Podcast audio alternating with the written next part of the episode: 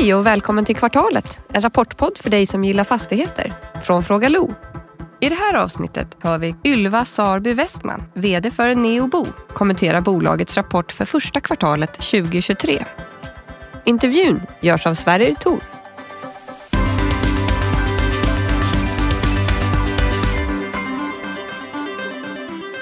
Hej Ylva!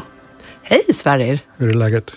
Känns fantastiskt bra idag. Härligt! Eh, på en rapportdag, det, det brukar vara så. Jag brukar säga det är som kalvsläpp ungefär, eller kosläpp eller vad det heter. Ja. När eh, vdarna får sparka bakåt och ha det kul. Precis. Eller studenten, Ja. fyra gånger om året Precis. i de här tiderna. Ska vi börja med att höra vad Niklas tycker om rapporten? Ja, Mm. Gärna det. Varsågod Niklas Höglund.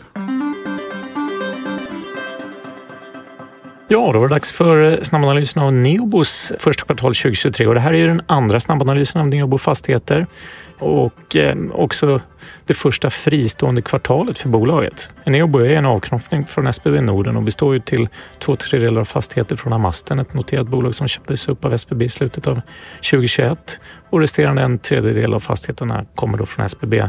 Bolaget är tydlig med att jämförelsesiffrorna för kvartalet påverkas av kostnader i samband med avknoppningen och man ska nog räkna med lite högre kostnader även framöver. Om vi går över till resultatet så rapporterar bolaget en hyrestillväxt på lika basis som ja, endast 1,6 procent där förhandlingarna på bostadssidan nu verkar ha landat på 4,3 och de får ju genomslag eh, först under andra kvartalet.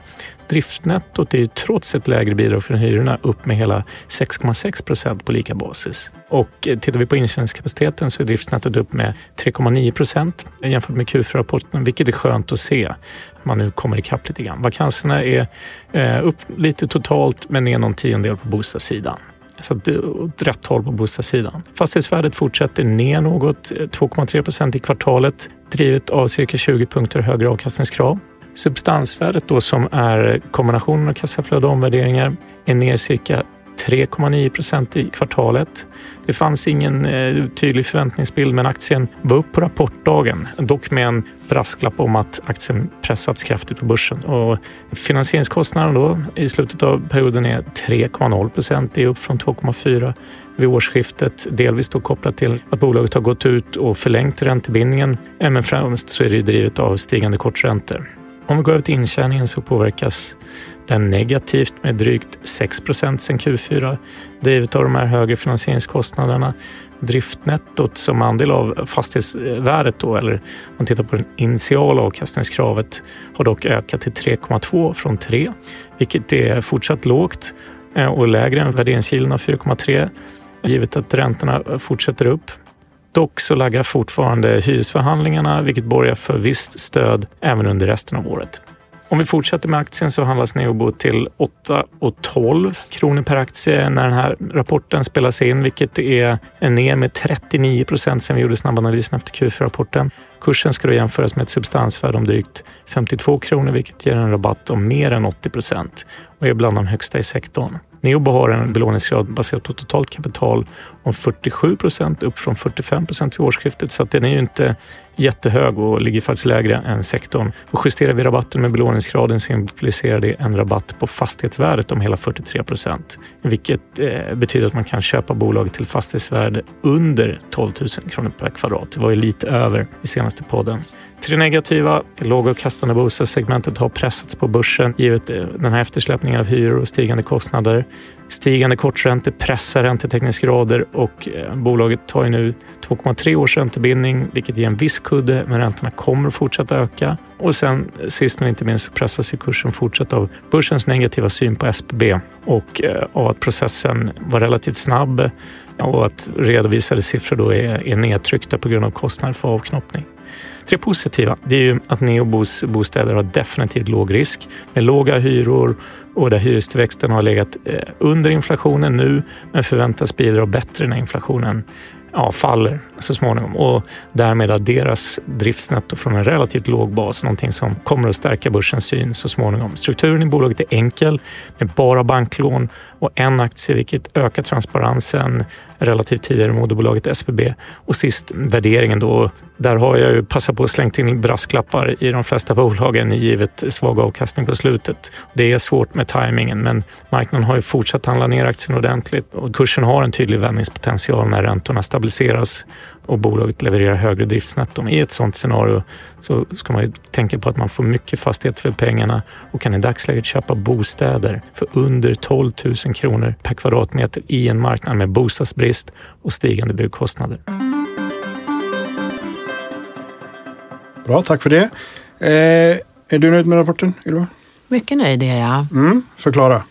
Nu Ja. låter jag sträng, men förklara. Ja, det ska jag gärna göra. Nej, men det känns ju väldigt bra att vi i vårt första kvartal som ett fristående bolag kan redovisa ett eh, stabilt resultat med en eh, ökning. Driftnettot ökar i jämförbart bestånd med 6,6 procent.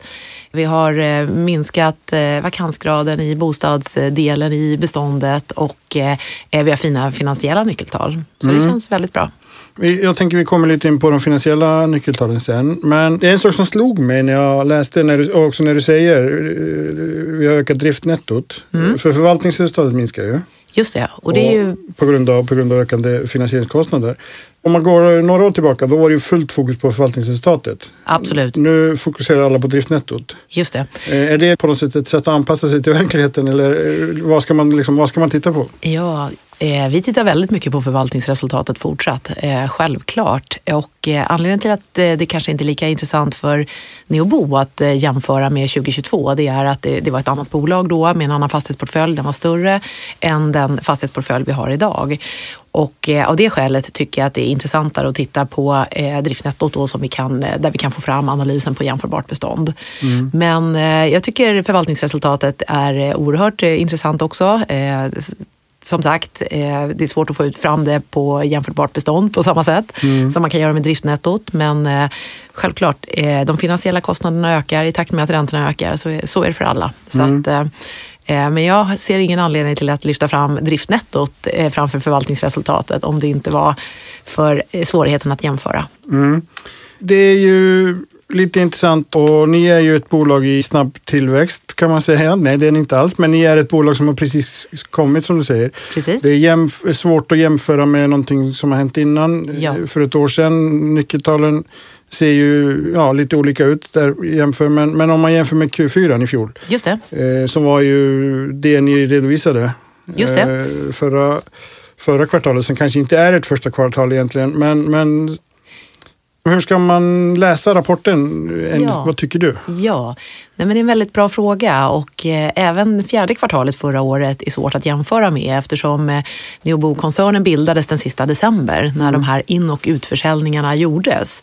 Så att eh, man började ju med det fastighetsbeståndet som fanns i tidigare Amasten med ett värde på 16,3 miljarder och sen avyttrades fastigheter till ett värde av 5,8 miljarder in i SBB-koncernen och det förvärvades fastigheter till ett värde av 5,2 miljarder.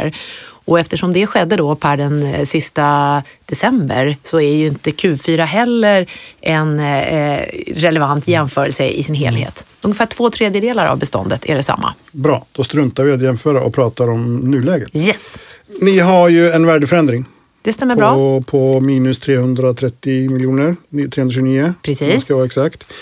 Och det är ju, det nämner du, det är på grund av höjda avkastningskrav. Just det. Eh, De ligger på 4,3 procent. Värderingsavkastningen, vad var liksom direktavkastningen i verksamheten?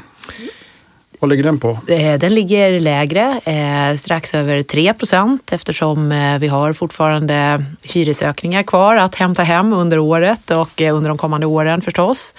Och eh, det är också så att vi har ganska hög vakansgrad i portföljen som det finns möjlighet att jobba med. Så det gör att den initiala direktavkastningen här och nu är lägre än den värderingsgilden då som vi har i snitt i beståndet. Mm. Och då tänker jag, för nu är det ju väldigt mycket, det pratas ju väldigt mycket om, om skuldsättningsgrader, om, om snitträntan som har Mm. ju stigit hos även er. Räntetäckningsgrader, det är inte bara i Neobo eller det är inte bara i SBB, det är liksom i alla bolag Mm. i branschen.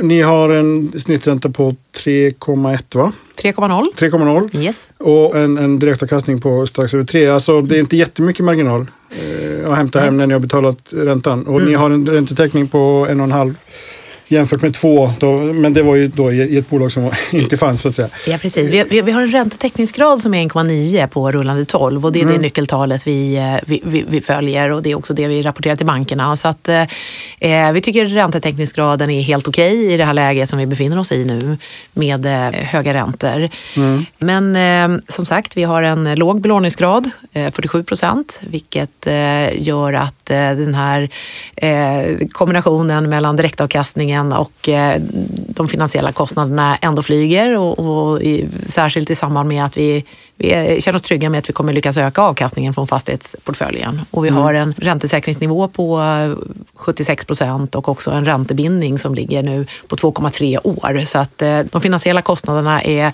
eh, inboxade så att vi ska ha en förutsägbarhet i förvaltningsresultatet framöver. Okej, okay.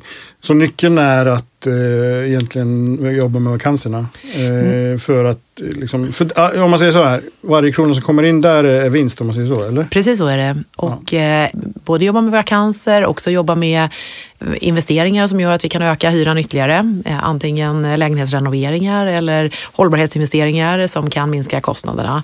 Eh, och också jobba aktivt på kostnadssidan för att se till att öka avkastningen på portföljen. Det är det som är vår eh, topprioritering just nu. Okej. Okay.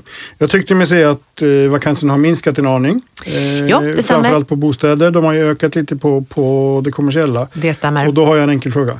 Kan ni bara avyttra det? det kommersiella beståndet? Eh, det vill vi inte göra. Vi har det kommersiella beståndet, eller hyresintäkterna från de kommersiella lokalerna, det är lite blandat. Det är ett antal eh, samhällsfastigheter. Det är också kommersiella lokaler i bottenvåningarna på våra bostadshus. Och eh, vi har också fyra stycken lägenhetshotell där det är bostäder men det är en kommersiell motpart. Då, så att, eh, Neobo Continental? Yes, det stämmer mm. bra. Mm. Så att eh, de kommersiella hyresintäkterna eh, består av liksom lite olika typer av hyreskontrakt och hyresgäster helt enkelt. Okej, okay, okay. Eh, så det, men det är värt att hålla och det kan ni jobba med också? Yes. Okay. Eh, överskottsgraden? Ja. 46 procent, vilket är ju rätt lågt. Det är bättre än vad det var i, i gamla. Precis, 50 eh, ligger vi på ändå om vi tittar på... Rundade 12 ja. Yes. Mm. Och det är det nyckeltalet vi följer. Och, eh, eh nej men, vi jobbar stenhårt för att få upp överskottsgraden och tror att det finns goda möjligheter att lyckas med det. Vad, vad tycker du liksom är en rimlig nivå på överskottsgraden? I, i bostadsbolag har ju lägre än, än, mm. än eh, kontor mm. eller logistik till exempel. Just det. Nej, men visst, är visst är det så. Så för mig då som har långt förflutet på kommersiella sidan tycker jag att eh, det, det, det borde gå att eh, få upp en hel del. Men, men ja, jag, jag, tycker i alla fall att en bra bit över 50 ska vi kunna klara av att komma. Okej, okay. även på ett kvartal? Ja, absolut. Q1 är förstås ett extra eh, utmanande kvartal för bostadsförvaltande bolag med höga uppvärmnings och elkostnader. Eh, men eh, om man ser på över ett år så, så, tycker jag att vi ska klara en högre överskottsgrad än så. Mm, mm. Om vi går lite in på, på finansiering. Du, du nämnde i rapporten, du nämnde tidigare, ni har låst in en del av, eller boxat in som du uttryckte det, mm. eh, räntekostnaderna. Vad, vad använder ni för instrument för liksom, räntesäkring? Vi använder räntederivat, eller okay. swappar mm. eh, på svengelska, då, eh, som, eh, för att liksom, eh, åstadkomma den här eh, räntesäkringen och räntebindningen då, som vi tror är viktig att ha i, i det marknadsläget vi befinner oss i just nu. Mm. Hur, ni har enbart bank, va? Det stämmer. Vad får ni för signaler från bankerna? Är det liksom det har pratats mycket om det nu senaste halvåret i alla fall, lite drygt kanske, att, att bankerna Även om de har möjlighet, vilket de kanske inte har ens. Eh, det är ju rätt mycket lån som ska refinansieras. Mm. Eh, de är kanske inte jättevilliga att öka exponering mot, mot fastigheter jättemycket till. Eh, liksom, vad får ni för signaler? Ja, men väldigt positiva signaler fick vi i samband med att eh, Neobo bildades och eh, de här nya låneavtalen skulle tecknas mm. eh, med de eh, sju nordiska bankerna som vi samarbetar med. de såg positivt på den här avknoppningen och på att eh, vi blir ett renodlat bolag med, med, med fullt fokus på, på bostadsfastigheter och bostadsförvaltning. Okay. Så att eh, det har inte varit eh, några utmaningar i det och vi har en lång kapitalbindning också på 4,1 år så att vi har finansieringen tryggad här under de kommande åren. Mm. Ni har en lång kapitalbindning, ni har inga förfall i år. Nej, det stämmer. 85 miljoner nästa år. I slutet på nästa I år. slutet på nästa år. Yes. Men ni har ju ändå 2,5 miljarder som ska refinansieras inom ett år. I, eller inte refinansieras, ränteomförhandlas. Precis, vi har eh, ränte, eh, alltså derivat som löper ut eh, med, med där snittlängden då är, som jag nämnde, 2,3 år. Och det får vi ju lägga strategin successivt hur vi tycker att det är värt att förlänga dem för att, beroende på hur räntan utvecklas också framöver. Okej. Eh, det var en sak som jag hade noterat här apropå vakanserna. Mm. Vi går tillbaka lite.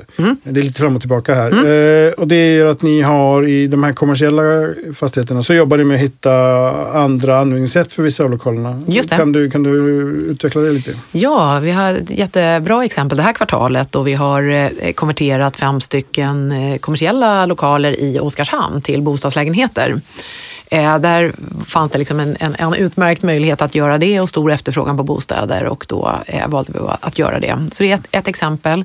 Ett annat kan ju vara där eh, man tittar på samhällsfastigheter som kan användas för alla möjliga typer av kontor och, och annan typ av service. Så att det, det tror jag är en viktig analys att göra. Vakans för vakans. Den här samhällsfastigheten i Sollentuna, som, det är en ganska stor eh, vakans, eller det påverkar vakansen rätt, rätt Ja, men eh, verkligen. rejält. verkligen. Det var en stor eh, förhyrning som eh, blev vakant då just i det här kvartalet. Så det påverkar siffrorna. Eh, hur, hur går arbetet med den? Ja, men eh, den har ju väldigt bra läge och eh, jag passar på att marknadsföra den här nu i, i podden. Kör på. Eh, Så att eh, jag tror att det kommer eh, gå bra. Men eh, såklart, den har precis blivit tomställd och eh, eh, organisationen jobbar hårt för att eh, hitta hyresgäster dit. Mm. Eh, apropå eh, intäkter och driftsöverskott. Mm. Då är ju hyresförhandlingarna. Ja, Eh, där eh, 4,3 procent va? stämmer. Som ni har fått i snittökning. Just det. Eh, det är ju en del under inflationen. Det är en del under snittet tror jag. På, de flesta ligger väl på 5 ungefär. Eh, I alla fall i storstäderna. Ja, jag tror att eh, tittar man på våra branschkollegor i liksom regionstäder och i de geografier vi, vi finns så, så, så, så ligger det på eh, de här mellan 4 och 5 procenten i, i hyresökning på bostadssidan. Och eh, vi har ju 30 procent av eh, hyrorna i bostadsdelen kvar att eh, omförhandla här nu. Då. Vi, vår förhoppning är att det ska kunna ske under andra kvartalet så att det får full effekt eh, på hyrorna här nu så snart som möjligt.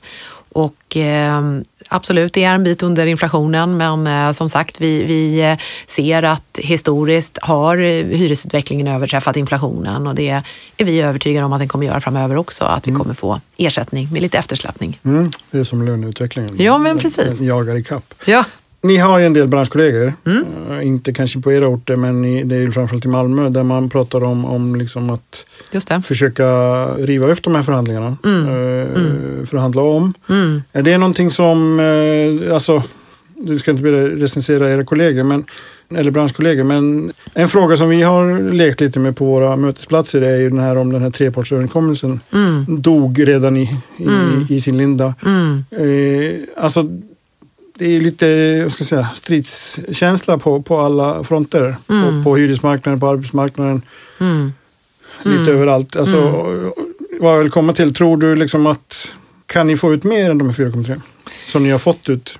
Ja, vi, vi följer naturligtvis eh, utvecklingen i marknaden väldigt eh, nära och, och inte minst då de här kollegorna i branschen som nu har påkallat förhandling om, om, om ytterligare hyresökningar och så får vi se hur det landar. Jag tror systemet är, i grunden bygger på att det ska finnas en eh, att fastighetsägarna naturligtvis ska få ersättning för de kostnadsökningar som drabbar. Och, eh, så att vi känner oss eh, lugna med att det, det kommer vi få. Och sen om man väljer att påkalla en extra förhandling i något eh, område eh, redan i år eller om man tar det under de kommande åren, det, det, det, det återstår att se. Okej, okej. det där var ett väldigt diplomatiskt svar. Men du, det är faktiskt snart dags att börja runda av. Det går fort när man har kul. Och jag har faktiskt två frågor kvar och sen har Twitter en hel del frågor. Eh, Så jag tänker att vi kanske börjar med Twitter. Ja, vad kul! Här finns det en fråga från någon som kallar sig Mat, Mat, Mat. Jag tror faktiskt att eh, hen ställde en fråga också förra Ja, gången. jag känner igen Mm. namnet. Eh, och då är det frågan, ni värderas väldigt lågt på börsen. För aktieägarnas skull har ni möjlighet att sälja fastigheter och genom det skapa aktieägarvärde? Ja, det är klart att vi har den möjligheten. Vi ser ju nu att eh, transaktionsmarknaden har kommit igång lite grann med några försäljningar i bostadssegmentet också under våren och vi hoppas att det ska eh, öppnas upp ytterligare här eh, fram, fram emot sommaren. Så att eh, självklart ska vi jobba med optimering av vår fastighetsportfölj. Vi mm. har ett antal kommuner där vi har enstaka fastigheter och vi har även man kan tänka sig eh, optimering av olika slag. Så att eh, det, det är absolut, givet att vi får rätt betalt så är vi, kan vi absolut tänka oss att avyttra fastigheter. Mm. Då har jag en följdfråga på den. Du mm. nämner ju branschkollegor som har sålt och det finns mm. ju en K2 är väl den lägst hängande frukten om man säger så. Och de har ju sålt till en snitt yield på 4,1. Just det. Om du jämför det med värderingsgilden på, på 4,3 Just det. Eh, Precis. Känner du liksom att ni, finns det en uppsida i värdet tror du? Eller har liksom... eh, nej men jag tror att eh, det är svårt att jämföra en eh, transaktion rakt av med vår fastighetsportfölj. Eh, Trianon har ju också, eller Trianon eller hur man nu uttalar namnet, har ju också gjort en försäljning där kanske fastigheterna var mer lika våra men som också eh, var på, på, på, på, en bra avkastningsnivå, högre än den om jag har förstått analyserna rätt. Ehm, så att eh, jag, jag, tror att eh, det är svårt att liksom, eh, man kan inte värdera 268 fastigheter baserat på en eller två transaktioner utan det är ju liksom individuella bedömningar som måste göras. Mm. Men jag tror att eh, våra värden ligger rätt och eh, att eh, vi får se vad som händer nu med, med räntor och inflation här de kommande kvartalen och, och hur det kommer påverka. Mm. Och då går vi direkt till nästa fråga från Mat, Mat, Mat. Räknar ni med att finansnettot kommer öka ytterligare nästa kvartal? Ja, det är vi ju alldeles övertygade om att det kommer göra med tanke på att det har varit ökningar av underliggande räntor efter att Q1 stängdes. Mm. Den får den som lever får se. Mm. Helt enkelt. Då är det tunga trades, så också tror jag frågade, ställde fråga förra gången. Där förvaltningsresultatet enligt intjäningsförmågan är 208 miljoner. Vilket motsvarar 1,43 per aktie. Just det. I kvartalet redovisar ni 0,2. 20 öre per aktie. Ja. Och årstakten blir det 80, 80 öre per aktie. Det är lägre diskkostnader i Q2 och Q3, men finns det någon mer anledning till skillnaden inom citationstecken? Eh, nu ska vi se, förvaltningsresultatet i intjäningskapaciteten jämfört med vad vi tror att vi ska kunna leverera. Ja, men jag skulle mm. vilja säga att eh, den stora förklaringen är precis den du nämner, att Q1 är svagare till följd av liksom högre el och uppvärmningskostnader. Mm. Och eh, i, eh, i övrigt så är ju intjäningskapaciteten, där finns det inte med någon bedömning av hur de här resterande hyresförhandlingarna ska gå och var de ska landa. Så att eh, förhoppningsvis finns det ju lite mer att eh, göra där på intjäningskapaciteten. Mm. Och eh, i eh, resultatet för första kvartalet har vi ju ingen effekt av ökade bostadshyror med överhuvudtaget. Okay. Utan de får full effekt i Q2. Okay. Så att eh, det är förklaringen till att det ser lite, lite svagare ut i första kvartalet. Mm. Då kommer tunga trades att bli positivt överraskad nästa kvartal. Ja. Hen eh, lägger med en till. Finns det några ränteintäkter i Q1 eller är det bara räntekostnader? Eh, det är i huvudsak bara räntekostnader. Okej, okay. bra. Då har vi en fråga från Erik Forslund. Planer på att börja med utdelning, det har ni ju, men när? Det är väl nästa år gissar jag då? Ja, men eh, precis. Styrelsen har ju fattat beslut om ett finansiellt mål att 50 procent av förvaltningsresultatet efter skatt ska delas ut. Så att eh, det, det, det är upp till styrelsen att eh, föreslå årsstämman då nästa år. Ja, beroende på hur, hur man ser på det då. Mm. Och då har vi slutligen en fråga från en, någon som kallar sig Sub-Zero och det handlar ju om substansrabatten som är ganska stor. Mm. Eh, marknaden litar inte på värderingarna och frågan är då, skulle ni kunna sälja enstaka fastigheter egentligen bara för att etablera värdet? Mm. Det kan man absolut tänka sig. Mm. Vi kommer eh, inte eh, som sagt göra några affärer om vi inte ser att vi får rätt betalt. Då kommer vi istället eh, behålla dem och, och, och jobba vidare. Men det kan man absolut tänka sig avyttringar för att, inte bara för att bevisa att värderingarna är rätt utan naturligtvis för att det finns annan logik också i att effektivisera beståndet. Mm. Bra, kul med frågor på Twitter. Vi uppmanar alla att skicka in när, när vi uppmanar till det så att säga. Vi pratade mycket förra gången om mm. din bakgrund på Kungsleden där du var en fenare på att sälja fastigheter och köpa renodla. Just det. Du öppnar ju faktiskt för det ja. i vd-ordet. Att, att i, i nästa steg är, liksom, då kommer ni se över möjligheterna att optimera beståndet. Det kommer vi göra. Eh, när tar ni det, tror du? Ja, men vi följer transaktionsmarknaden nära och eh, liksom utvärderar de möjligheter som finns. Så att, eh, vi, vi kommer inte sätta någon exakt eh, tidplan för det, utan när vi känner att det är rätt eh, tillfälle, då kommer vi slå till. Mm.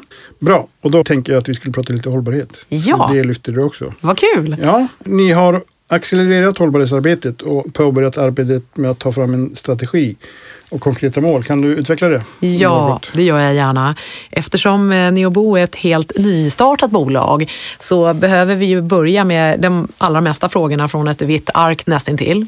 Eh, Det har gjorts en massa bra hållbarhetsinsatser i bolaget under årens lopp. Eh, Det är både miljömässiga hållbarhetsinvesteringar men också sociala hållbarhetsinitiativ på olika sätt. Så att nu behöver vi liksom omfamna det här och lägga vår strategi och sätta våra mål.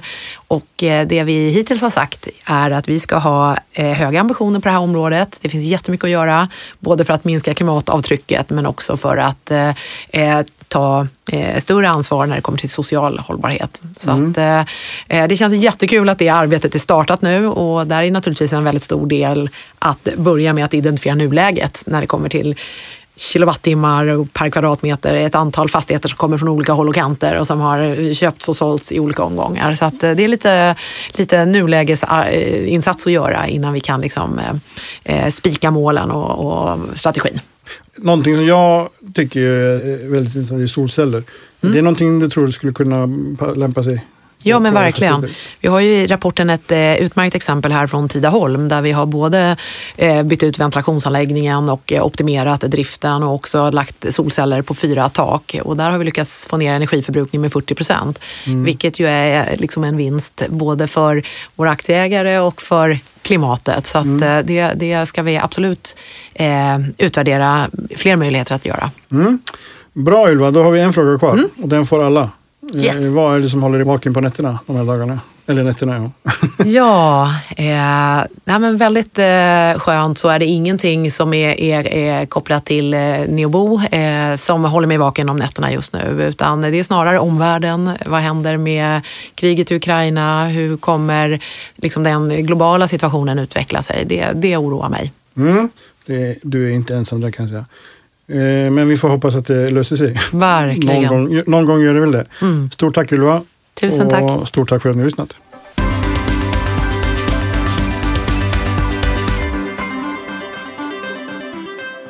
Det här programmet görs på Beppo. Beppo.